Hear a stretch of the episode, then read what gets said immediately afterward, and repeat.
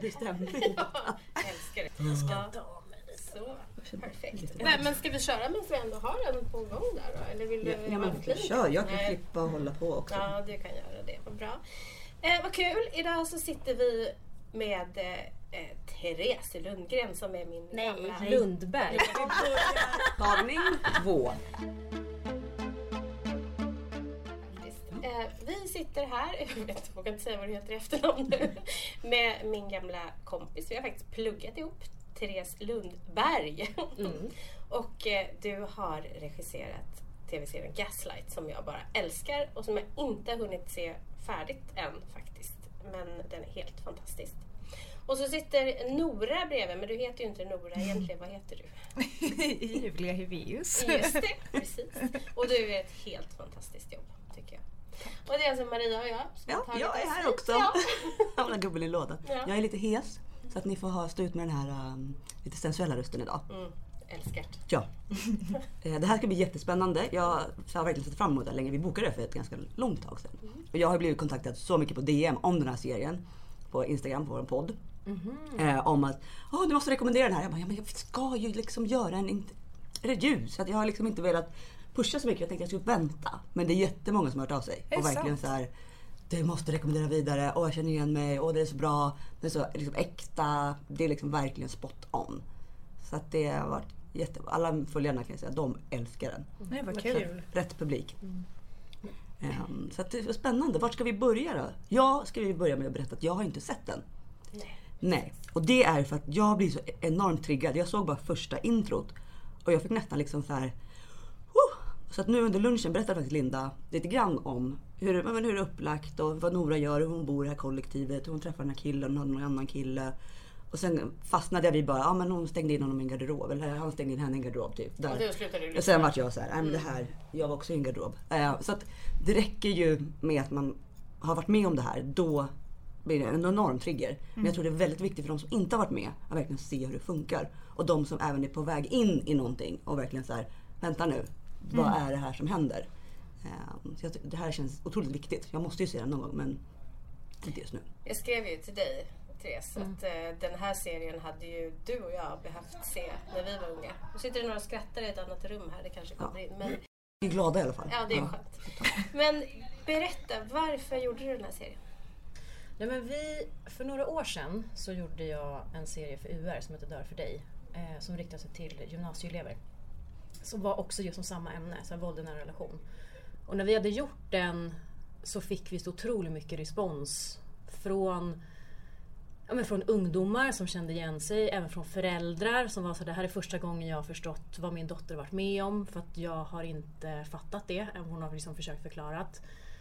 Och där så kände jag liksom någonstans att det, så här, det här behövs göras så att det når en större publik. För att UR är fantastiskt men det når inte alltså den stora massan liksom på det sättet. Så när SVT gick ut med en brief att de ville göra en ny ungdomsserie så kändes det ganska självklart liksom att det är så här, vi skickar in det här för att det här behövs. Och det har liksom inte riktigt gjorts på det sättet. Eh, för vi har ju också valt att gestalta mycket av det psykiska våldet.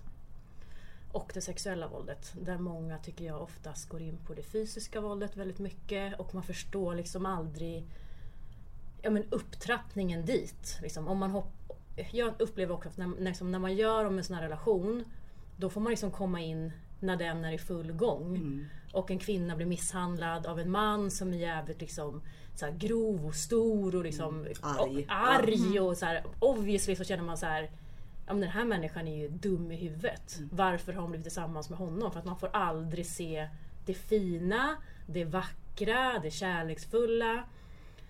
Och därför så har liksom vi byggt Gaslight i att vi får följa med Nora då från liksom första gången de ses och den här förälskelsen och hur fantastisk den här mannen är. Eh, och det har ju varit liksom väldigt medvetet i att så här, när jag sökte den karaktären som skulle spela Simon så kände jag så här, eller den personen som skulle gestalta Simon så var det så här, det måste vara en person som jag kan känna att jag kan förlåta hundra gånger om. Mm. Han ska kännas liksom varm, genuin, man ska inte känna så här, åh gud, han borde jag akta mig för. Utan tvärtom, så här, han vill jag typ gå hem med alla dagar i veckan. Eh, nu blir det ett jättelångt svar. Men Mm, ja. Jättebra svar. Skitbra, jag får så här gåshud när du säger det där. Eh, Jag måste bara ta en liten så vi får med det. Vi sitter då alltså på Art and Bob. Ja, det, Och det, så det kan vara lite ljud runt omkring. Så att, Det är levande, Det är ja. levande, så vet det, alla lyssnare. pågår, det pågår massa produktioner här Ja. runt omkring. Så det är levande. Ja, Ja. så vet ni det. Nej, men jag tycker det där var jätteviktigt för, för eh, liksom, Nora är ju inte heller Guds bästa barn. Och det tycker jag är helt underbart. För att man är inte det. Men man förtjänar inte att bli utsatt för såna här saker i alla fall. Och det är, inte, det är inte så stereotypt. För många gånger får man ju höra hur kunde du bli tillsammans med den här? Och du vet, jag blir ju så jag blir så arg varenda gång jag hör det. För dels är det inte mitt ansvar att någon, om någon är en idiot. Det ligger inte på mig. Jag kan inte veta det. Och sen är det att hur ska jag veta? Man, man vet ju det när det är för sent. Helt enkelt. För att det är ganska bra från början. Ja, det är ju förutsättningen för att man ska bli fast För annars trillar man sätt. inte riktigt dit så hårt heller. Nej. Så att det är ju jättefint att det liksom har verkligen tagit sig dit. För det som jag kan känna, det är oftast i de här filmerna som man gestaltar den här typen av relationer. Det är precis som du säger, den här mannen är så arg, han är så bossig och han gör allt det här som man känner såhär, men va, det, man går ju bara. Men det är så här, men, nej, det är inte verkligen det här man tar hand om, att man verkligen är så kärleksfull och och man känner sig så himla fantastisk tillsammans med den här personen. Och man vill inget annat än att leva med den för resten av livet. Man säger, det här är min själsfrände. Det är, liksom, det är bara vi, mot världen. Och sen så brakar det. Jo men sen det är ju lite grann som Ja men som en drog. Alltså så här, du får ju den, liksom, den första fixen som är så fantastisk så att du har liksom aldrig varit med om något eh, härligare i hela ditt liv. Och sen så börjar så här, ah men det börjar skava lite. Men man vill bara tillbaks till den där första fixen. Och sen så vet man så här, jag kan få den men det blir en jävla baksmälla. Men jag är typ beredd att ta den. För att alltså, Det det är är, så så, starkt och det är så värt det. Och det är där som jag tror är så otroligt svårt att förstå. Eh, och de mekanismerna och den psykologin och manipulationen som ligger bakom. Och det är därför liksom också vi har skapat, ja men Noras första kille Erik. Han är ju liksom en så här typisk douchebag som bara Åh, jag fattar inte, öh", du vet och liksom inte jättebra i sitt känslospråk och sådana saker. Och den karaktären är ju skapad lite grann för att det är så här, det är inte de här snubbar du ska akta dig för. Nej, Alltså, nej. Precis. De är så här, De är bara vanliga snubbar. de är vanliga snubbar. Men det kan vara liksom annars kan det vara så här, nej men gud akta dig för honom, han är en player, han kommer göra ditten och Ja, datten. Så här. Men de, de är ju så obvious. Så här, Ja, han kommer inte vara fantastisk. Men det fattar man ju från start. Som en öppen bok liksom. Det är som en öppen bok. Men de här som du verkligen ska akta dig för. De har du ju ingen aning om för de är ju svinhärliga till en början. Och där krävs det ju kunskap och erfarenheter för att fatta så småningom när de varningssignalerna kommer.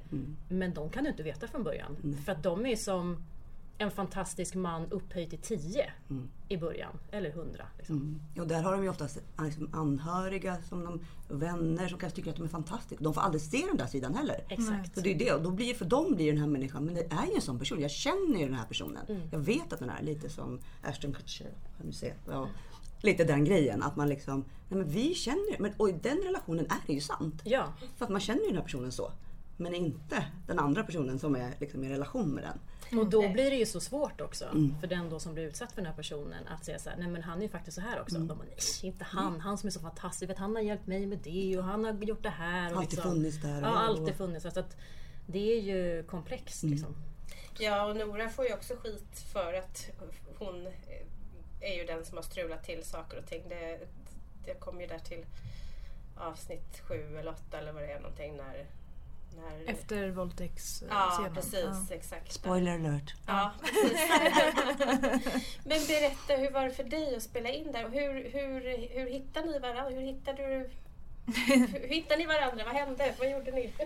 Nej men jag, eh, jag fick ju rollen på ganska vanligt sätt. Eller jag provfilmade liksom. Jag skickade in self-tape och sen kom jag hit och så träffade jag dig och sen kom in igen och sen fick jag roll. Alltså, ja, så det var en ganska vanlig provfilmningsprocess. Um, sen gick det väldigt fort. Men ehm, det där var ju Adam. Som spelar Simons skratt. Hörde du det? Jag hörde också Ja, han är också här. Ja. Eh, Vad var jag? Provfilmning? Ja precis, så jag provfilmade och sen, så, sen var det ju ett liksom långt eh, researcharbete där jag bland annat lyssnade jättemycket på den här podcasten. Verkligen. Ehm, och andra podcaster och läste och pratade med folk som varit utsatta och sådär. Och det som var så otroligt eh, intressant var ju att när jag hade lyssnat på kanske 20 av era avsnitt eller någonting så var det så här, men det här har jag redan hört. Bara, nej men för att så här, någon berättelse eller någon annan berättelse, bara, men det här har jag hört. Bara, nej det har jag inte. Det är bara att det är samma sak om och om igen. Att liksom förövaren, det är som en liksom manual som de använder sig av. Eh, så det var väldigt, eh, det var väldigt liksom jobbigt och tufft att gå in i det. Du fick ju säga till mig att slu- sluta. Jag fick ringa Julia mitt i sommaren för hon bara Nu har jag lyssnat på det här, jag läste Jag bara du får sluta nu. Det här, det här är avgrundsdjupt. Ja. Det, är liksom, det, det är så mörkt det här så, att det är så här, du måste också samla energi för att kunna göra den här rollen. Ja. Men du gick ju verkligen liksom all in i din research. Absolut. Ehm, och sen är det ju väldigt, det är väldigt, väldigt intressant och nödvändigt att förstå hela psykologin bakom för att kunna göra en sån här roll. Ehm, För att annars fattar man ju inte. Det är väldigt komplext. Ja, verkligen, verkligen. Ehm, nej men och sen inspelningen var, vi hade väldigt kul. Ehm, vi var ju eh, ett ganska litet team och vi liksom blev ju som en liten bubbla och familj liksom och där alla var väldigt handplockade så att vi det var bara mm, toppen människor och eh, vi hade så kul. Ehm, och det behöver man ha för att kunna göra en sån här typ av roll. Ehm, det skulle liksom inte funka om jag konstant var i liksom eller vi alla var konstant i den här jobbiga känslan för då skulle det blivit för tungt. Jag skulle vilja veta lite vad kommer ifrån från början? Vad har du gjort innan bara? För det är säkert väldigt många nu som har sett den här serien och jag har ingen koll eftersom jag inte har sett den. Men Ja, jag började med skådespeleri när jag var typ 20 och eh, sen eh, ganska fort så fick jag en huvudroll i Vår tid nu. Ehm, Så det var min första roll liksom. Ehm, Och sen efter det så sökte jag till scenskolan och kom in där och så har jag gått halva scenskolan. Ehm, Jag hoppade av förra året. Och eh, jobbat eh, väldigt mycket senaste året framförallt. Ja, skitkul. Verkligen. mm. Jag vill bara gå tillbaka till eh, dig Therese. Vad, vad driver dig att berätta om de här sakerna? Vad är det som gör att du vill att, du vill att folk ska förstå? Mm, jo men jag tror det är just det som du säger. Att jag vill att folk ska förstå. För att jag tycker att eh, okunskapen är så enorm. På alla sätt. Alltså bland liksom vanliga människor men också bland olika myndigheter och allt eh, sånt också. Att det, och att det är fortfarande tycker jag väldigt liksom stor skuldbeläggning på de personer som är i en sån här relation. Att det är så här, varför lämnar du inte? Varför blir du tillsammans med den där? Eh, och där kan jag känna att det är så här, om jag har möjligheten att kunna berätta det för att jag har ett sånt jobb. Då kan jag känna bland annat att det är, lite min skyldighet att faktiskt använda det till någonting vettigt. Eh, och det tror jag så här, har varit mitt driv från början. Eh, med att jag började liksom jobba med det jag gör. Att få berätta historier som inte riktigt har berättats. Eh, och försöka göra dem begripliga. Eh, och liksom göra dem på ett sånt sätt som liksom, ja, men med känsla. Alltså jag går ju bara på känslan när jag gör saker. Alltså jag har ju ingen utbildning i vare sig manusförfatteri eller vad heter det? Manusförfatteri! jag har ingen utbildning, jag har aldrig pluggat manus. Jag har aldrig pluggat eh, regi. Utan så här, jag och Linda har ju gått samma, liksom, vi har gått en folkhögskola för tv-produktion. Sen har jag jobbat med tv sedan 2004. Och jobbat liksom enbart med dokumentär och reality. Så att liksom, drama är helt nytt för mig. Alltså jag har ju liksom, jag fick typ googla så här, hur skriver man manus? ja, lite så här kanske. så att det är så här, jag går ju på känsla. Eh, och det kanske är lite befriande att jag inte kan allt kring så här, det här. Nu liksom rent dramaturgiskt så måste det vara så här. Sen kan ju dramaturgi för att man har jobbat liksom inom TV så att man kan den saken. Men, och det har jag förs- liksom försökt tagit in väldigt mycket i Gaslight. Just liksom den dokumentära känslan för att jag vill att det ska kännas på riktigt. Så vi har ju jobbat väldigt mycket liksom med så här med one takes, det är en rörlig kamera hela tiden, det är supermycket närbilder. För att jag ska vara så här, du ska fan inte kunna värja dig från det här. Vi ska vara liksom i facet på de här personerna för att du ska inte kunna känna så här, nej men jag, jag behöver inte ta till mig det här, jag kan ta avstånd från det här. Utan, och skapa den liksom, ja men det, det är liksom det autentiska i det. Ehm, man tar med liksom, tittaren in verkligen i känslan, i scenen, i situationen. Ja, så det har ju varit mycket liksom med vårt jobb också mellan liksom mig och Julia och Adam då som spelar Simon. att mycket har ju varit liksom att det är så här, varför gör Simon det han gör? Vad är han Mm. ute efter? Vad är liksom baktanken med det här? Så här vad känner Nora nu? Vilket tillstånd är hon i? Vart är hon i processen? Hur nedbruten är hon? Gör hon motstånd här? Eller är hon liksom supersvag? Så att vi har pratat jättemycket liksom Mm. sådana saker för att det är skitviktigt att Julia och Adam förstår vad de här scenerna är. För att det är inte så att jag har skrivit lite scener bara för att utan alla scener har ju ett syfte för att visa på liksom, eh, gången i, den här, i de här relationerna. Liksom. Ja och där var det också i och med att man aldrig spelar in allting i samma ordning utan vid liksom första två veckorna av inspelningen så stängde vi in oss i då Simons lägenhet och gjorde alla de här scenerna. Så var det Två fruktansvärda scener. Ja men verkligen. Ehm, och då är det ju också, alltså som eh, skådespelare, så det är ju också att så här, man måste komma till jobbet och så är det en våldtäktsscen och sen efter det så det, ska vi vara superkära och sen ska det vara i början av eh, serien och sen ska det vara i slutet av serien. Så det blir ju, vi, det blev ju nästan som att vi alla levde i den här relationen av de här topparna och dalarna. Eh, och- så det var ju, just för att det också är en sån liksom, tydlig båge av nedbrytning så var det ju, vi hade verkligen snackat jättemycket om det inför liksom varje Mm. Moment typ. Ja, men så här, vad, hur är Noras kroppsspråk här? Alltså, Exakt. det var ju väldigt mycket så. Liksom. Ja i början och så här, och bara blir jättejobbig och otrevlig. och sen i slutet liksom med hela kroppen och eh, ja, allt. Men du är så härligt störig i början. Alltså jag älskar att du får vara liksom sådär som, som, som man inte Som fick man vara är. På, ja, men som man inte fick vara på 90-talet. Ja, liksom. För då var man ju hora. Jag älskar att, du får, att, att, att, att det får vara så faktiskt. Jag tycker det är härligt och att du ehm, Ja, och, det, och det är också så viktigt för serien och budskapet att hon inte är så som vi pratade om tidigare hur det gestaltas generellt. Att man är en liten sk- skör kvinna som går runt och är tillsammans med någon kriminell man som slår henne. Utan att hon är liksom, hon ligger runt och hon eh, liksom är kaxig och hon är otrevlig och taskig. Och, alltså så här, hon är en, en vanlig tonåring som eh, också har jävla mycket skinn på näsan. ja. Ehm, Och, vem, och vem, det är det vem som helst kan ju råka Exakt. ut för. Det är, och jag tycker att har skildrat det. Nu, jag sitter inte och höjer det till skyarna för att jag känner dig. För att jag älskar dig. Men för jag tycker verkligen att det är bra. Och det var ju när jag skulle titta på det så var jag så hoppas det är bra nu. Och det var det ju verkligen. Det känns autentiskt. När jag har gjort ett eh, fantastiskt jobb där tycker jag. Men jag tänker för alla de här som är som mig som inte har sett den. Ska vi bara ta en liten så här. Vi har inte riktigt berättat vad den handlar om. Det ska vi inte göra. Vi ska inte spoila nu. Men jag tänker bara lite historien. Vad vi, vi har ju de här karaktärerna lite och bara vad, Mm. vad, vad den handlar om. För Ska de jag som dra inte har eller? sett. jag drar. Mm, jag drar. Drar. Ta den du. Tar det. Eh, jag tar den. Eh, nej men det handlar om Nora som är typ 22 som bor i en mindre stad någonstans i Sverige. Vi har liksom inte satt det någonstans på kartan för att vem som helst ska kunna känna igen sig i det.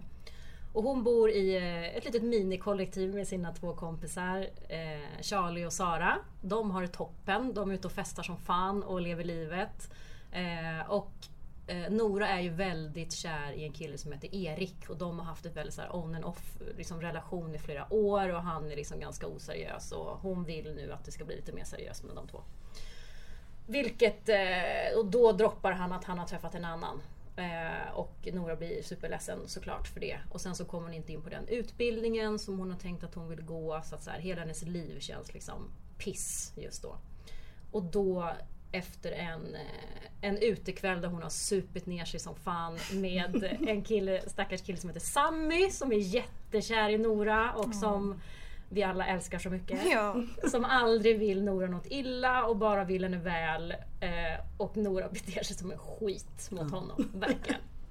Eh, så de har varit ute och supit. Eller Nora har ju supit ner sig som fan. Eh, och typ däckar i en park. Och då dyker Simon upp. Eh, Och är en fantastisk man. Som ser Nora och eh, ställer väldigt mycket frågor om henne. Så de börjar dejta sen. Eh, och han är liksom på ett sätt som Nora aldrig någonsin en person som hon aldrig någonsin har träffat förut men kanske har drömt om att få träffa. Men någon som verkligen ser henne, accepterar henne, I mogen. är mogen, älskar henne. Eh, och är liksom också älskar henne, hela henne. För hon har liksom Mm. fått hört mycket liksom tidigare att hon är för mycket eller hon är för jobbig. Och, du vet, och han är bara såhär, jag tycker att det är skitfint, ibland mår man dåligt, det är okej, jag gör också det. Du vet. De hittar någon form av connection. Liksom. Eh, och sen går det ju väldigt fort, som det gör. Eh, de flyttar ihop. Eh, och sen börjar liksom nedbrytningen eh, av Nora i den här relationen. Och det är det man får följa med. Liksom. Från starten. Liksom. Från starten. Eh, Från innan. från innan så att man också förstår lite grann så här. För det var liksom väldigt viktigt, ja, men Linda som du sa också, så här, det, är väldigt, det var väldigt viktigt för mig att skapa en karaktär där man ser så här. Hon lever. Alltså du vet, hon är inget offer. Alltså hon går hem och utnyttjar Sammy. Hon är, du vet, hon är jävligt rolig och tar för sig. Och sen, så här, hon är liksom jävligt vidrig ibland. Och, men här, mänsklig tycker jag i alla fall. För att det är liksom, oftast tycker jag också att man, när man ska porträttera tjejer så gör man antingen så här superfin och superhärlig. Eller så är hon så jävla trashy och trasig. Liksom. Men att så här, Och det var typ när jag läste manuset, det bästa med hela första avsnittet tyckte jag var, eh, för första avsnittet kan vi ändå prata om. Det kan vi prata om. Spoilar lite om. Att eh, efter att hon då har sagt till den här Erik att hon är kär i honom och han säger att jag har träffat en annan. Och att det första hon gör då är att gå hem och ligga med Sammy och bara ja okej så och sen bara nej det här funkar inte. För att liksom försöka dämpa ångesten. Älskar den scenen också. För att så gör man. Eller jag. Eller, eller vadå? Det gör vi väl Det gör allihopa. man. Det. Men det får man inte se och framförallt alltså, hos kvinnor eller tjejer som gestaltas.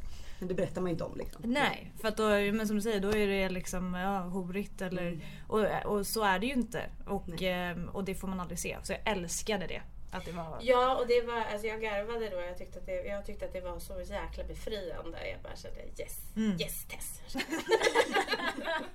Nej men för det, för det är ju precis så det måste det får vara. Och idag så känner jag, alltså det går långsamt framåt.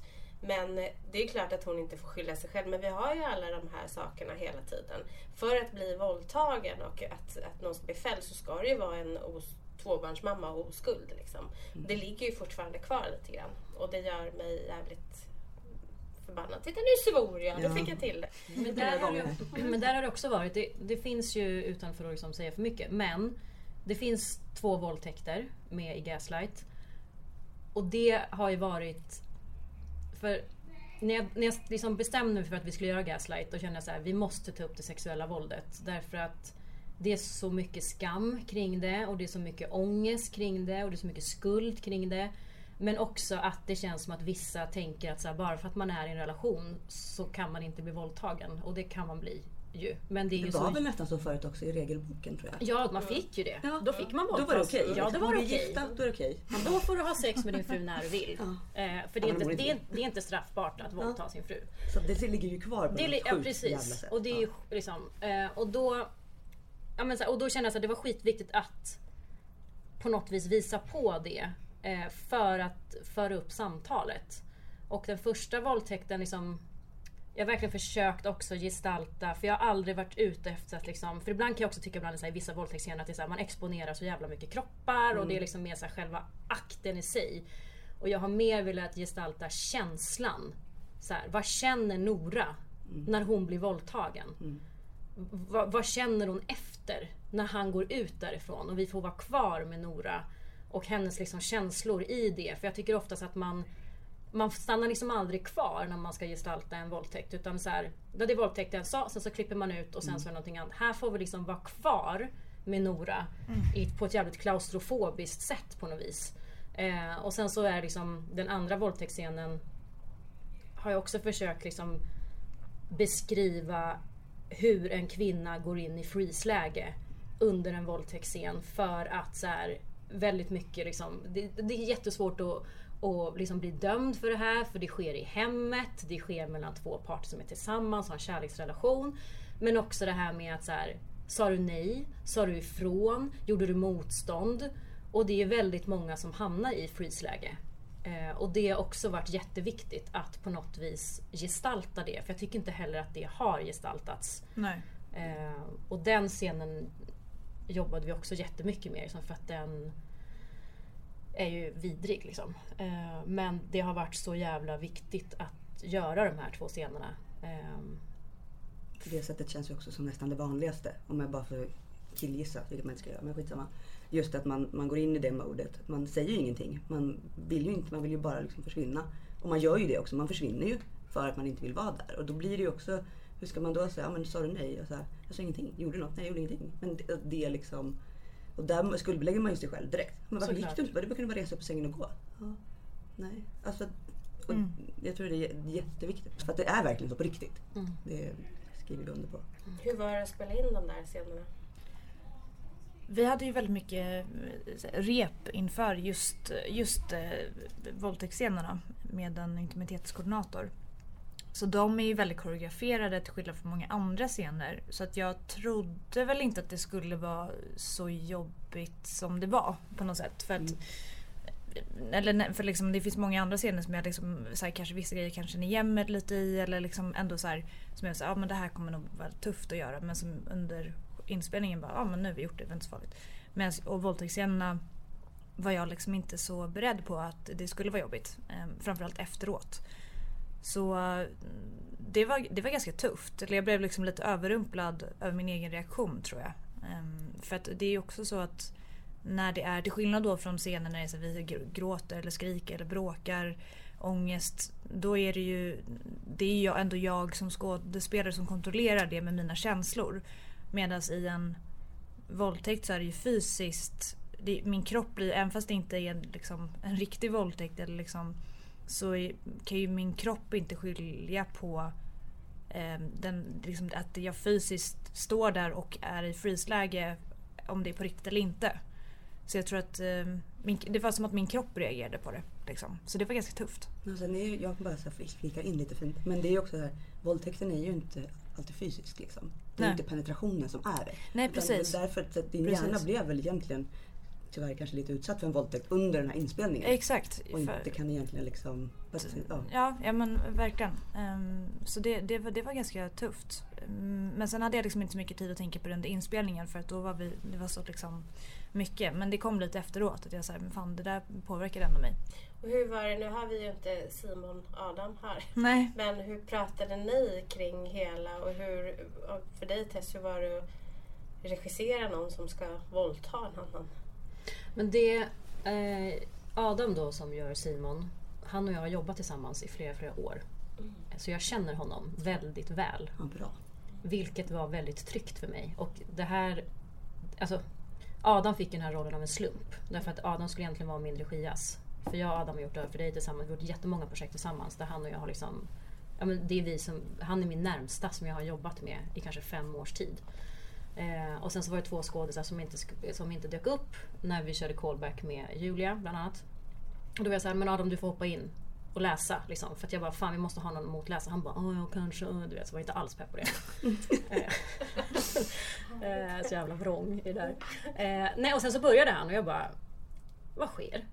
Bara, han gjorde det så jävla bra. Så typ efter jag bara, alltså Adam, du kommer behöva få göra det på riktigt. Alltså köra en provfilmning på riktigt. För att det här är helt fantastiskt. Du har liksom nailat alla skådisar, de manliga skådisarna som har kommit in här. Som också är superbra skådisar, som gjorde jättebra liksom ifrån sig. Men Adam satte det liksom. Eh, så det blev han till slut. Eh, och det tror jag också för att så här, eftersom han och jag gjorde Dör för dig tillsammans så har vi liksom pratat om det här ämnet i typ två års tid. Och vi har diskuterat otroligt mycket eh, den manliga karaktären. Hur han tänker, hur han känner och var han kommer ifrån. Eh, så att där kände jag också, sen fick ju Julia vara med i processen också, att välja faktiskt motspelare. För att jag kände att det var så otroligt viktigt att, att du kände dig trygg med den du skulle göra alla de här scenerna med. Och du kände ju också Adam liksom, på en gång. Eh, så där kan jag känna att det är så här, för mig har det varit jätteskönt att jag känner Adam. För jag vet att han skulle aldrig gå över någon gräns. Jag litar på honom till 100%. Jag vet att han aldrig skulle göra någonting som är obehagligt för Julia. Så, och det har ju i sin tur gjort, liksom, och sen att liksom, vi har också lagt mycket tid på att liksom, prata med varandra, lära känna varandra. Vi hade väldigt mycket reptid Vi innan. hade väldigt och- mycket reptid. Så där känner jag också så här som vi skapade en sån trygghet mellan oss så kunde vi också göra scenerna fullt ut. För att det fanns den tryggheten. Eh, sen har det varit såklart att det är liksom Det är komplext att gå in och förklara för en liksom en, en karaktär varför han anser sig ha rätt att göra det här. Ehm, men det är ju det man har varit tvungen. Jag har varit tvungen att försöka gå in liksom i Simons psyke och bara säga vad är det han är ute efter? Okej, ja det är makt och kontroll. Okej, hur gör vi det? Så här, han försöker bryta ner henne, han försöker förvirra henne. Liksom. Eh, och det har ju varit eh, komplext. Får jag bara inflika där? Det där tycker jag är, det stör mig. Att, att, jag, att man inte kan förstå den psykologin i det Jag huvudet. Det, ja, det gör mig galen. För att i- hur mycket jag än liksom läste på och liksom satte mig in i det. Och så här, det går ju liksom verkligen förstå psykologin liksom i hela så här, ne- normaliseringsprocessen och nedbrytningen av och varför man, alltså allt det där går ju att förstå. Men hur, fan, hur, hur är, vad händer i deras huvud? Eller så här, och hur, va, jag vill, jag vill, jag vill liksom vara i det huvudet och bara se hur det ser ut där. Och det stör mig att man inte kan, att man varit- aldrig någonsin kommer kunna förstå heller. Nej. Nej men för det har ju varit mycket liksom när jag och Adam har pratat om Simon-karaktären också. Och han, Adam har också varit så här. Jag kan fatta honom till en viss gräns. Ja. Men sen, det går inte. Jag, jag kan inte förstå honom. Liksom när han själv har varit så här. Det här är så jävla vidrigt Therese. Alltså, nu går det över gränsen som fan. Och jag bara, ja vi måste göra det. För att det är så här, ja. om vi gör liksom Simon lite light. Alltså, ah, han är lite svartsjuk. Han är lite där. Du vet, jag bara, då är det inte den här typen av relation. För lite svartsjuk kan alla vara. Liksom. Men så här, det som är, det är att Simon går ju över alla jävla gränser du kan göra och att han behöver göra de här vidriga sakerna för att visa på hur de här relationerna är. Och det har ju också varit såklart jätteutmanande för Adam. Att han, alltså du vet, han liksom efter våldtäkten, han bara fan jag blir äcklad över liksom vad, vad min karaktär gör. Och liksom, för jag vet någon gång när, när vi skulle repa ett bråk och han skulle så kalla för Nora för jävla fitta och jävla hora. Och, du vet, och då sa han, du vet han bara orkar typ men han bara Du är så jävla fin! Jag orkar inte säga att hon är en fitta en gång till. Jag ska bort det från min mun liksom. Eh, så det är klart att det har liksom... Ja men för det pratade vi, alltså för det, det man kan förstå, eller liksom inte förstå men föreställa sig är just så här, okej men om eh, i en scen då när Simon som karaktär till exempel tycker att Nora har gjort fel och så kan man tänka sig okej men i hans huvud så är det så för att det var hon som triggade honom att få honom att känna så här. Det kan man ju liksom psykologiskt föreställa sig att så här, okej men om jag är så bestämd med min känsla här, nu tycker jag att du har gjort fel på riktigt. Men sen hela den här grejen med att förnekelsen då med att så här, jag låste inte balkongen. Ja, det där, det vill jag förstå. Har, är det liksom att de inbill, alltså liksom förnekar det? Eller är det att de eh, Rättfärdigar. eller tror på riktigt att det inte har hänt? Eller liksom hur... Jag tror att det är, som, som vi har pratat om jättemycket i podden, att det går inte att förstå de här människorna. Nej, men jag vill går, det. Ja, jag, förstår, jag förstår att du vill det. Men det är liksom, egentligen så ska de bara läggas på en hög någonstans långt bort. Och man ska inte ens bry sig om att man vill göra det. Ja. Självklart, jag har pluggat psykologi och, liksom, och, och man, man vill veta. Men det här att man... Det första felet som görs tänker jag att jag jämför, men jag skulle aldrig kunna göra så här. Nej. Hur skulle jag kunna alltså, tänka, men jag kan, det går inte. För att våra hjärnor ser annorlunda ut. Det där är en eh, predators brain, det här är inte rovdjur. Liksom. Det har vi pratat mycket med forskare kring också. Att de funkar inte som, så därför går det inte att jämföra. Men man vill ju Ja. fatta, för man vill ju trycka på den här knappen så de slutar vara så. Och, sen, och jag tror ju på riktigt att de, de, de gör ju världen så att den passar dem. Ja. och ändrar. Till slut så tror de ju på det själva. Så att Förmodligen så i hans värld han, nej men det gjorde jag ju inte. Alltså han känner. Ja, även om han ser, ser att han har gjort det så är det ändå så här, ja men fast det passar ju bättre att jag inte har gjort det. För det gör ju den här situationen bättre. Och så för att, för jag menar, om vi tänker på utifrån oss. Ja. Så vi är ju Satan. Ja, ja. Vi har ju liksom gjort, vi har ju förstört den här mannens liv som vi har, ja, Mm, och allt det här.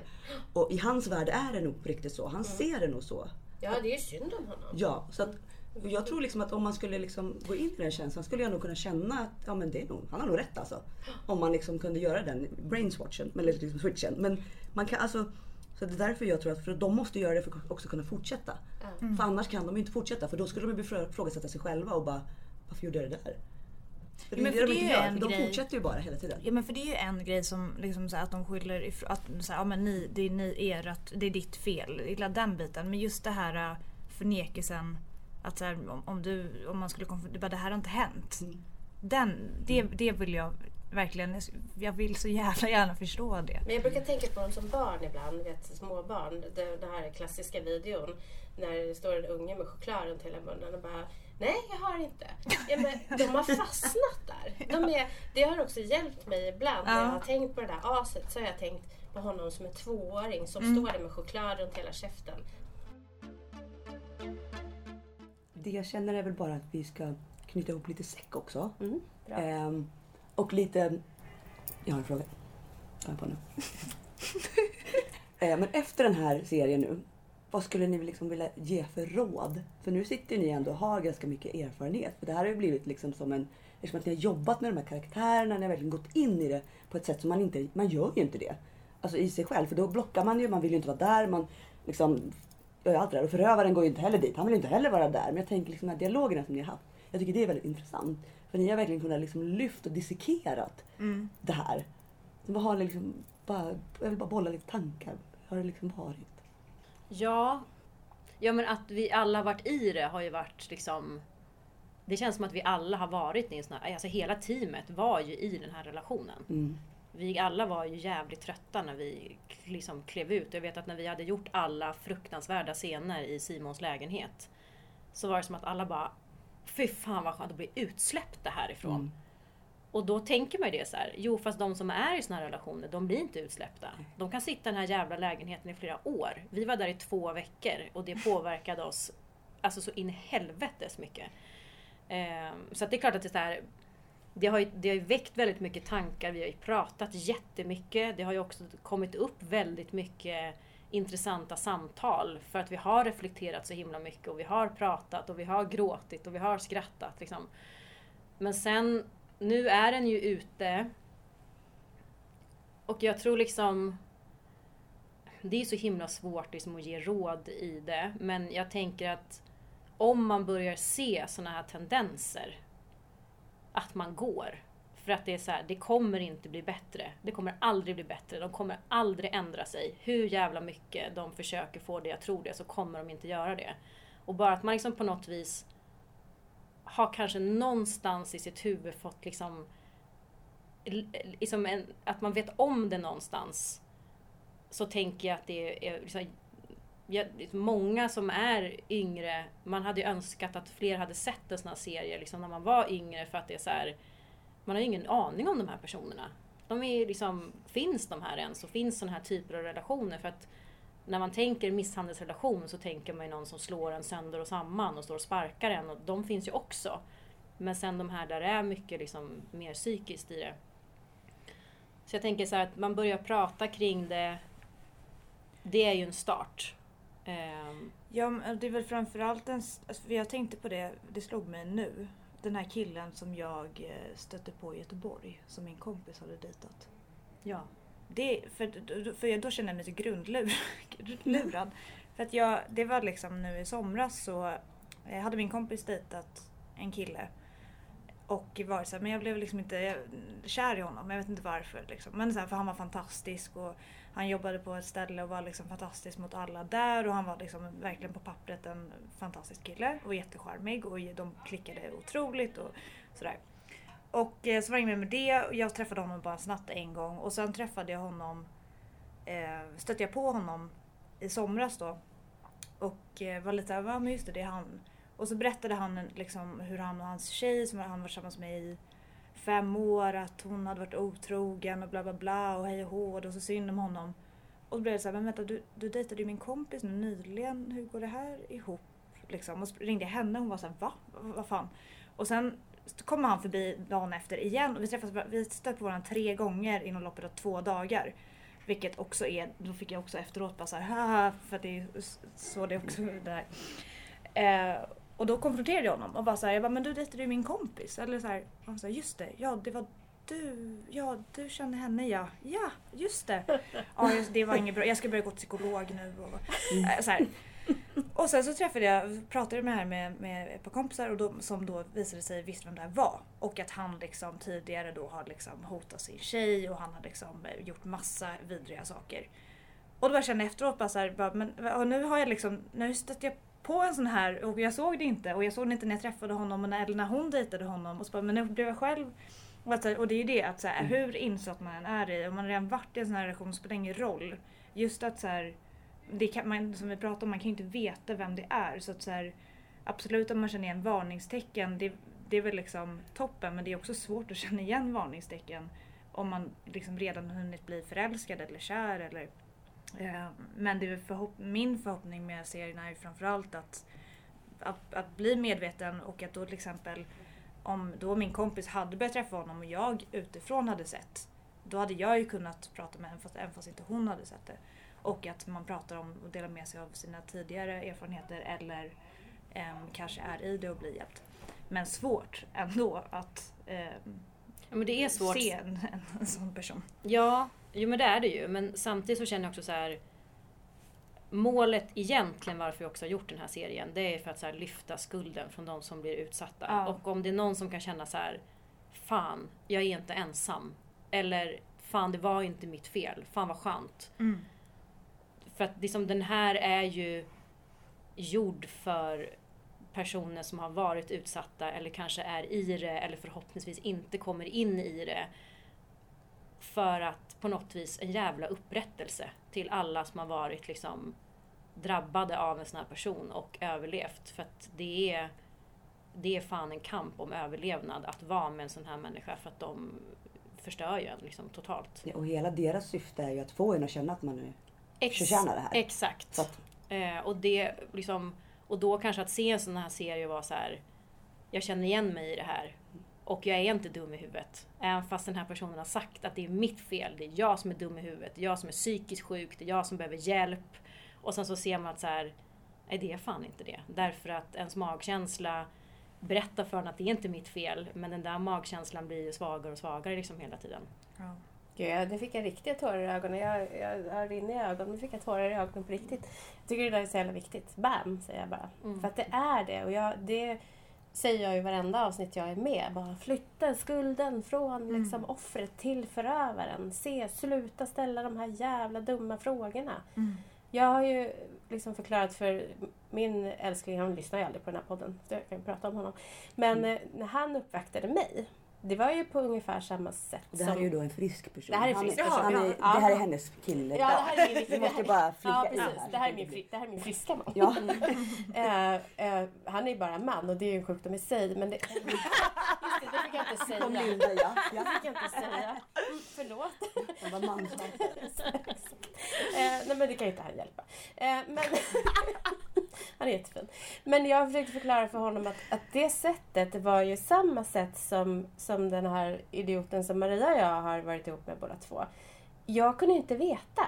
Jag Mm. kunde inte veta för att han, det, det var också blommor och grejer och det, från början, jag, jag avskydde ju blommor efter Ja. här och fick en världens bukett.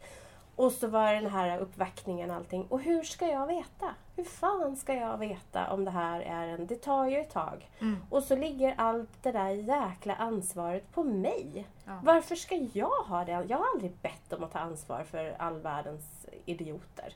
Och, och hade han då varit en idiot, då hade det också varit mitt fel. Jag förstår inte den logiken riktigt. Och jag vägrar ta på mig den och jag vägrar att fler ska ta på sig den. Verkligen. Det är liksom... Sen, sen kan man, man... Det finns massa olika frågor man kan ha runt. Och, och det finns också goda råd som man kan ge. Som jag är ledsen att man ska behöva göra. För att de här människorna ska ju inte finnas och bete sig så här. Men det, är jag, det ekar ju i mitt huvud hela tiden.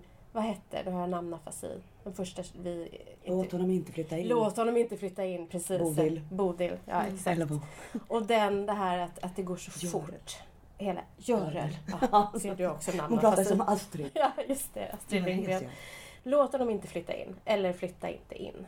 Och det är ju, vi försöker ju balansera i våra avsnitt. Inte att lägga på eh, offren en massa saker som de ska tänka på. Men samtidigt så behöver man jobba åt båda håll. Tyvärr, så länge de här idioterna Ja, finns. men, och jag tror också att man, när man liksom man måste bara prata om hur de gör för att Mm. man också ska... Jag tror man läker lite grann. Det är som vi har pratat mycket om i podden också. Att man, när man pratar om det här hela tiden så inser man också att man är inte ensam.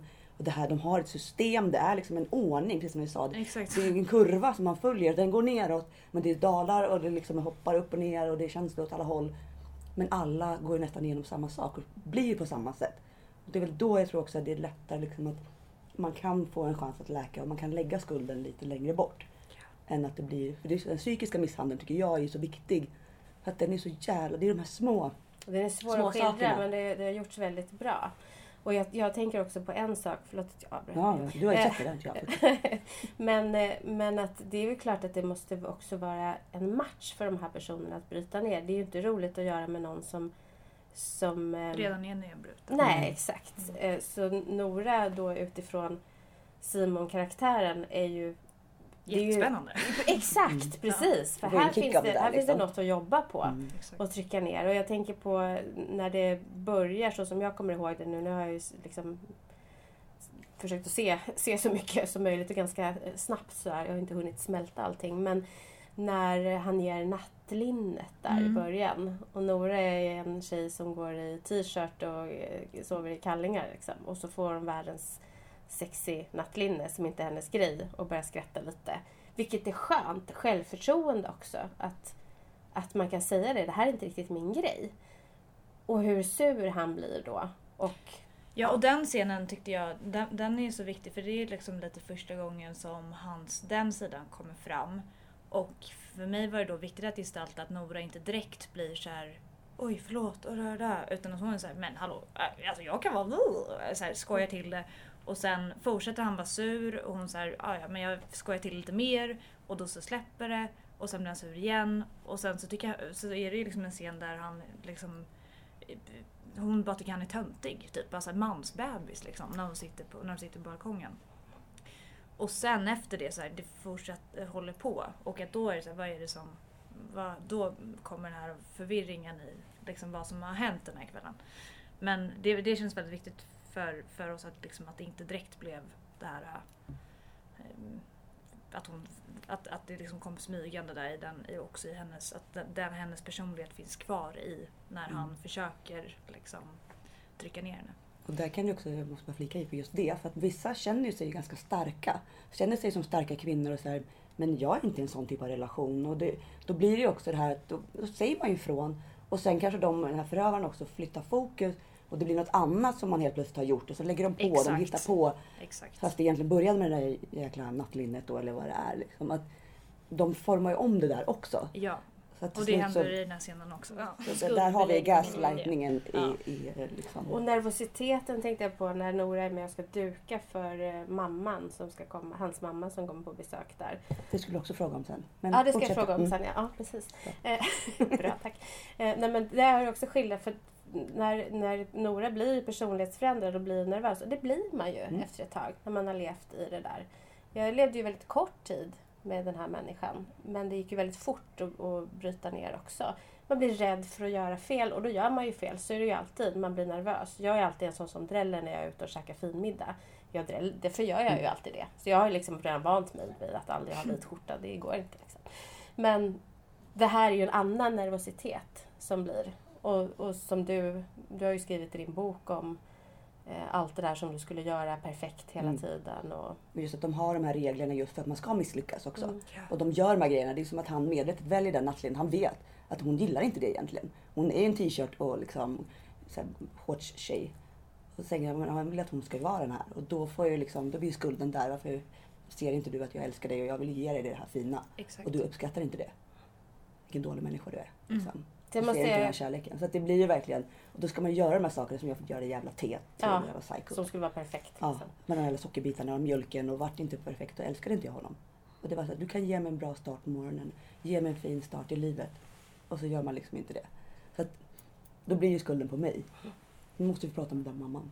Jag måste prata med mamma. Mm. Var det viktigt att, att det fanns en, en backstory på Simon, att han har haft det jobbigt? Behövde det förklaras? Ja, eller vi pratade ju jättemycket om om vi skulle ha det på Simon eller inte. Eh, men sen så kom vi fram till att vi skulle nog ha en liten backstory på honom för att förhoppningsvis också vissa män kan ta till sig Simon. För det har varit viktigt i att så här, vi gör inte bara Simon till ett monster för då är det så lätt för så här, "Ja, men så där är inte jag. Jag Mm. skulle aldrig göra på det här sättet. Men att det är vissa saker kanske nå vissa män som är så här, fan jag har också mått dåligt. Jag kanske också har uttryckt eh, eller tagit ut mitt dåliga mående på ett sätt som kanske inte varit helt okej okay, när jag har haft ångest eller eh, så därför så var det viktigt att ha en backstory på Simon. För att kanske nå vissa män, för att jag vet så här, de värsta psykopaterna och narcissisterna kommer vi aldrig nå med, med gaslight. Men vi kan nå de som har varit där och vickat lite. Som är så här, fan jag hade en period eller har en period i mitt liv där jag mådde skitdåligt. Jag tog ut det på den jag var tillsammans med. Jag blev svartsjuk, jag blev kontrollerande. Jag kunde inte hantera det på ett speciellt bra sätt. Så därför så var det viktigt att ha det. För att i alla fall nå några män med den här serien. Men det är väldigt intressant. Det är faktiskt, för det är ju en hel del folk som har hört av sig till mig på Instagram och sådär. Både kvinnor som har, eller framförallt kvinnor som har skrivit att de varit utsatta och att de hade behövt serien då typ och sådär. Men också väldigt många män. Jättemånga män. Um, som vill rädda Nora. Som vill rädda Nora. Men också när vi visade på kompis som också började direkt diskutera liksom bara så här, fan kanske det där och det där kan jag känna. Så jag tror ändå att det verkar som att och vi har fått jättefina recensioner från manliga journalister och liksom um, Ja och därför så tror jag att det har varit viktigt. Liksom, för, att, för det hade vi liksom redan under castingen när vi liksom skulle casta de manliga skådespelarna. Redan där började diskuteras. Att det är så här, ja jag tycker att det är superintressant med Simon-karaktären. För att han är så här och så här. Jag känner inte igen mig men jag kan känna igen mig i vissa delar. Och fan jag har nog också varit så när jag var lite yngre och jag borde nog inte ha gjort sådär. Så, så att någonstans slår den ju an på vissa män liksom, är att man kan ändå känna igen sig i vissa delar i Simon. Sen går ju Simon liksom jävligt över gränsen många gånger. Och det måste jag säga, det var så roligt. Min pojkvän sa det, vi kollade på eh, de senaste epporna häromdagen. Mm. Och så just den här nattlindsgrejen när han blir sur. Och då var lite direkt var så här, han bara, men sådär är väl när jag blir kränkt. För att han, han är så här, lite lättkränkt om, jag, så här, om jag säger någonting så är han bara såhär, du tycker jag är dålig på det. Jag bara, nej jag menar på att du ska ta undan tallriken. Eller så eh, och han bara, han, han gör jag vet Jag bara, nej. Han bara, okej. Okay. för att han liksom, för att han kunde känna igen sig att man blir kränkt. Mm. Liksom. Och då direkt blev han såhär, men gud, är det där, är det där jag? Eh, det är det verkligen. Mm. Han är världens snällaste. Så. Nej men det är väl det som är med de här personerna, att de är ju, de är ju som oss också. Vi är ju där alla, vi är också toxiska saker. Ja. Vi har också destruktiva beteenden. Vi kan också känna oss medskyldiga. Alltså det, det är det som gör det så svårt. De är ju inte liksom några helt andra typer av personer som är där längst ut på skalan. Förutom riktiga sadistiska psykopater. Men, men många är ju liksom, det är en jävla soppa. Mm. Och alla är vi där ihop. Mm. Ja men jag tänkte på det, i många avseenden ibland så är ju Simon bara en vanlig eh, liten kränkt eh, man. man. Mm, faktiskt. Och, och så går han ju över gränsen lite grann. Men det var intressant för jag tänkte lite kring psykologin bakom att han, att du måste ju ha tänkt där. För att eh, egentligen behövs det ju inte någon förklaring för oss som har, vet hur yeah. det här funkar. Men för att få folk att det var ju det jag det pratade med Maria om. Ja, att jag ville ha svar på den frågan för jag förstod att det... Man, jag, jag, känner ju, det har jag känt ända sedan vi startade podden, att mm. man vill ju att det, ska, det här ska nå ut till män framför allt. Mm. Just för att vi kvinnor, vi vet ju det här. Mm. Vi har ju, är ju med om trauman från typ dag ett när vi växer upp i mm. mm. olika ja, situationer. Uh, och det är ju liksom männen som man vill liksom ska liksom verkligen rikta blicken inåt och fundera, okej okay, vad gör jag? Vad är mitt beteende? Kan, kan jag kanske bidra till den här kulturen? Och så vidare och så vidare. Så som du säger, narcissisterna och psykopaterna, vi kommer inte nå dem. Nej. Så att de kan vi lika gärna skita i. Men de behöver vi bara ha lite så att vi ser, okej okay, här är varningstecken så vi kan mm. springa fort som fan. Men det tycker jag för att nästan de starkaste reaktionerna på Gaslight har ju kommit från män. Mm. Hur har reaktionerna varit då? Hur har liksom... Nej men det har ju varit... Alltså det är ju såklart liksom, men mycket det som vi har fått till oss har ju varit väldigt liksom att att den gestaltas på ett väldigt liksom, autentiskt sätt. Eh, och många har blivit väldigt liksom, berörda utav den. Nu har ju precis de liksom, tre sista episoderna släpptes ju idag och de är egentligen de som är vad ska man säga, starkaste. de starkaste. Um, och de har ju inte så många hunnit se än. Men vissa liksom, journalister och så, där har det ju mycket, liksom, recensionerna vi har fått har ju varit liksom, överlag väldigt liksom, bra. Men där är just att så här, jag tror att vissa män blir otroligt illa berörda av det här. För att det är så här, men gud, finns det här? Och du vet vi kvinnor så här, eh, ja. Alltså det här har vi varit Lite som om. metoo. bara, Ja, men så här, ja. Vi bara, det, här har vi, det här har vi varit med om sedan högstadiet, Ja. mer eller mindre. Så att det är så här, ja det här händer. Medan vissa de är så här, men gud vad hemskt. Och så här, det här är ju fruktansvärt. Och, och tyvärr så har ju, jag känner ju typ ingen kvinna runt omkring mig som inte har varit med om någonting. Och det är ju fruktansvärt att det är så. Men tyvärr så är ju det sanningen. Ja, jag tycker det var spännande. Vi pratade ju innan den skulle släppas och så också om, och den har ju verkligen fått uppmärksamhet. Den, den är, förtjänar all uppmärksamhet men den, det har ju, vi pratar ju om den. Och jättekul att vi har fått så mycket DMs Ja. kring det också. På, men det, det är ju viktigt att den når ut. Så om någon råkar lyssna på det här, fan, spela den i skolan. Diskutera Mm. kring Mm, den. Det hade verkligen. varit jävligt bra, tror jag. Vi hade ju nästan hoppats på att vi liksom, vi var ju typ så här, vi vill åka ut på skolturné typ, och prata om den här för att det är så viktigt och alla vi som har jobbat med Gaslight är ju väldigt engagerade i det här och att vi alla har ju fått gett otroligt mycket av oss själva. Jag tror att liksom, ingen hade valt att jobba med det här projektet om man skulle haft bara ett litet härligt enkelt projekt att jobba med för det här har ju tagit som fan på oss också.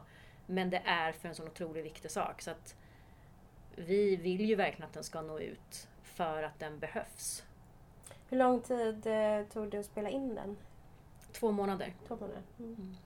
Hur länge kommer den ligga på SVT? Vet man det? Ett år brukar de ligga, sen Mm. plockas den bort. Ett år.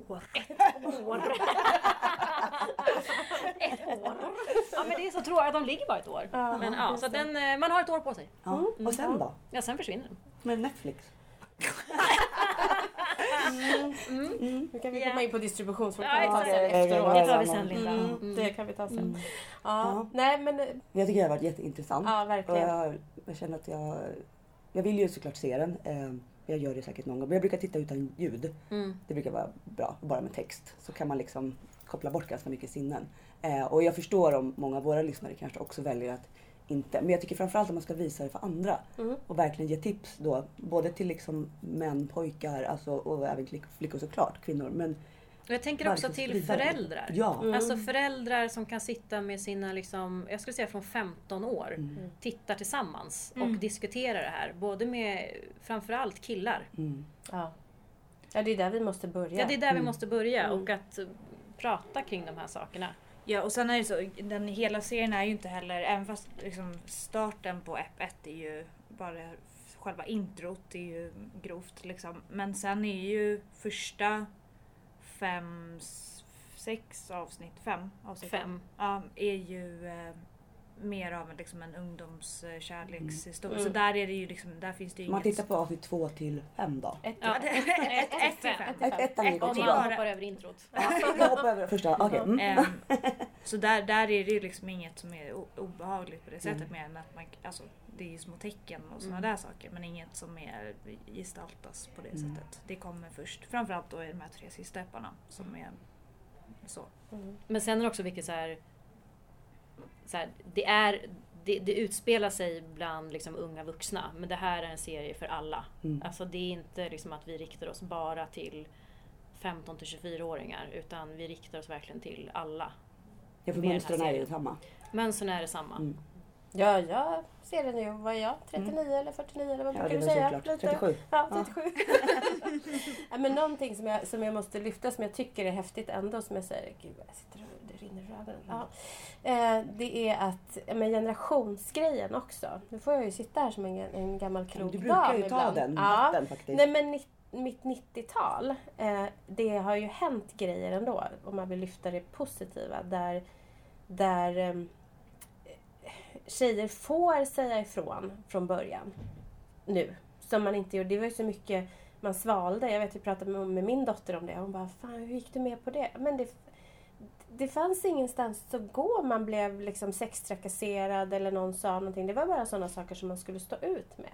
Vi har i alla fall, om man nu ska något Mm. hopp då, vi har i alla fall kommit så pass långt så att vi, vi har förflyttat gränsen åt rätt håll där. Sen vi har ju ändå stopp min kropp-grejen. Ja, liksom. nej, men får vi allt, ändå- jag tycker ja. att vi, jag tror att vi har liksom metoo att tacka men sen också väldigt mycket häftiga tjejer. Jag åkte på min, jag ska inte gå in på det, på en resa för några år sedan. Där jag trodde att jag skulle umgås med mycket äldre människor. Men jag blev ju kompisar med alla i 20-årsåldern där och de var ju skithäftiga. Eh, brudar som tog för sig och vågade. Liksom. Och där trodde jag att jag kom från Sverige och var frigjord. Inte alls. Det, det var ju helt... Ja. Nej, så det, det finns ett hopp i det. Ehm, kommer du göra något mer i framtiden? Vad har du för... Om jag kommer Ja, göra någonting mer? bara... Nej, nu lägger jag. Nu är det bara knäcken liksom. Ett Trauma för resten. Jo, men alltså ja, det är klart att jag ska. Alltså sen eh, jag, alltså min dröm och förhoppning är att jag ska få, liksom, få fortsätta berätta viktiga historier. Och det måste jag bara ställa frågan också. Mm. Var det svårt att få gehör för den här historien? N- när vi skulle sälja in den? Ja. Nej. Nej. Alltså det var när vi, när vi pitchade in den här, eh, SVT fick 70 förslag. Eh, och de hade valt vårt ändå ganska snabbt. Så, så att nej, det var, nej, det var det faktiskt inte. Fan vad skönt. Ja, det, ja och det är jag skittacksam för. Och sen också, jag har ju fått jobbat med en på SVT som är så här, kan ämnet, eh, har lagt otrolig liksom, tillit på att jag har fått skapat väldigt mycket liksom, utifrån mig själv. Och det har ju också betytt otroligt mycket. Än att jag hade suttit med någon som inte hade fattat någonting på kanal och bara så här, varför ska vi göra det här? Eller varför ska Ja, Simon agera så här? Ja men precis, Mm. som bara jag fattar ingenting. allting ja. liksom. Mm. Utan, och det har ju också varit jag är alltså supertacksam för det, för att det har gjort det här arbetet så mycket lättare. Så att nej, det, det togs emot väldigt väl på SVT. Och nu Mm. förhoppningsvis så hoppas jag att de är nöjda att de tog den, för det känns ändå som att de... Det borde de vara. Det borde Ja. verkligen vara. Eh, jag- det, jag tycker, nu, nu blir man ju färgad av det eftersom jag har vetat om det men jag tycker att det syns mycket om den. Faktiskt. Ja, och hör mycket av den, Mm. om den också. Vad får vi se Ja, dig precis, härnäst? exakt. Vi vill ju bara veta vad ska ni göra framåt? Ja. Nej, jag idag är premiär för en eh, långfilm jag är med i. Jaha. Som heter Tillsammans 99 som Lukas Moodysson Ja. eh, gör, eller har gjort. Mm. Ehm, och sen hoppade jag in i, direkt efter Gaslight så hoppade jag in i en humorserie. Ja.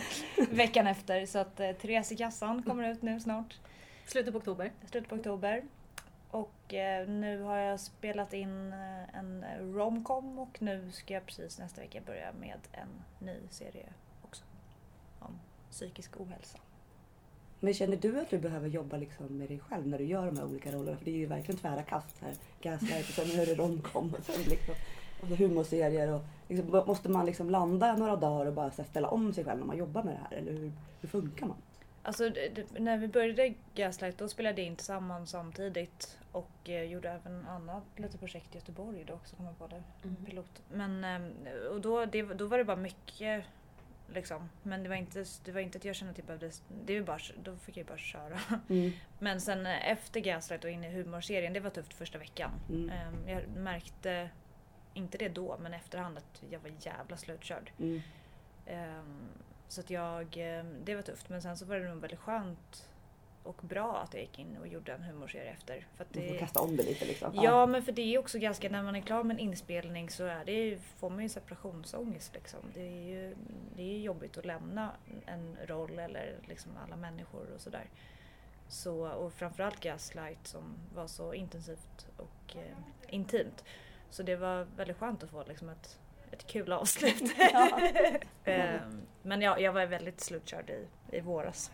Utan för Ja. att spoila någonting, men vi spelade ju in den sista scenen som Julia gjorde då, som Nora gör. Spelade vi in absolut sista dagen. Just det. Ah. Och där, Ja, så då är den på riktigt liksom. Alltså, den, den, ja. den känns. Ja. Mm. Man vill ju se den. Det Ja. måste ha varit ett väldigt fint team. Ja, det är var det. otroligt. Ett jättefint team. Det förvånar mig inte när det gäller dig för du har en förmåga att plocka fram det fina i människor. Men härligt att, att få jobba det- med engagerade människor. Ja, men det var väldigt viktigt och att vi Mm. bara hade med snällisar Mm. i teamet. För det är så viktigt att det liksom... Ja, men, alla behövde få landa mjukt liksom, Mm. i vad vi än gjorde i den här. Så att det är ett fantastiskt team. Eh, Och det var ju också, det var ju du och Elsa väldigt, var en förutsättning för, alltså, och ni pratar ju mycket om det också, att jag Mm. och Adam skulle ha em, den tryggheten och liksom bomulls Mm. runt omkring oss. Mm. Vilket verkligen märktes. Men för det är ju verkligen trauma. Alltså händelserna, alltså det blir Ja. ju verkligen, det är ju så viktigt att man Ja, nej, men det är jätteviktigt. För att det, om vi hade Inre. haft liksom en, en osund arbetsplats Ja. när vi spelade in det här, då hade det varit fruktansvärt. Och det är likadant som nej, men du tog upp, upp också att vi hade väldigt kul. Att det var så här, vi pratade om det innan. Så här, vi ska ha respekt för det här ämnet, absolut. Men vi måste skratta medan vi gör det här. Vi måste ha kul på inspelning för att Mm. annars så kommer vi gå under. Ja. Alltså vi kommer aldrig klara av de här två månaderna. Så att Ja, Vi- de hade så mycket skrattattacker. Så Nej att men vi skrattade så mycket för att man var liksom tvungen att på något vis här Tourettes skämta Ja. emellan Bort- scenerna. Ja, ja. För att palla liksom. Ja. Det är också ett försvar att man bara Gud vi kan inte vara i det här mörka, nu måste vi liksom. Så att det har ju varit, vi har haft skitkul samtidigt och det har varit jätte jätte jätteviktigt. Eh, att vi har tillåtit oss att ha jävligt kul mellan de här eh, scenerna också. Men då är det ju rätt människor på rätt plats. Ja. Ja, När man kan ha det så. absolut. Vad härligt. Tusen tack! Ja. Tack till Jag er. vill bara så här, om man vill hitta er på sociala medier. Har ni här Instagram eller har ni något sånt där ni vill prata om? Eller någon, om någon vill kontakta eller bara liksom veta mer om. Ja, Instagram. Mm. Instagram. Då vill jag gärna Vi kan, höra. vi, kan tagga, vi kan lägga in taggar i inlägget. Ja. Ja. Jag brukar alltid säga att Psykopatpodden finns ju överallt. Ja. Jag ja. Och vi har också en sluten grupp. Mm, på Facebook. Precis. För de Och som känner att de behöver hjälp. vara kvinna. För att det funkar inte att ha män där. Nej, Så. precis. Punkt. Konstigt. Tack snälla Linda för att du, du tog hit mig. Ja. Det här var, jag är faktiskt så jätteglad för det här. Jag har peppat hela sommaren nästan för att jag fick veta att det här skulle komma. Alltså, det kommer bli något stort. Och nu blev det det. Och jag, alltså, ni har verkligen gjort det jättefint. Och jag är så glad att det är så välgjort. Det gör mig enormt glad. Tacksam. Ja, tack. Tack. Tack, tack, tack. tack.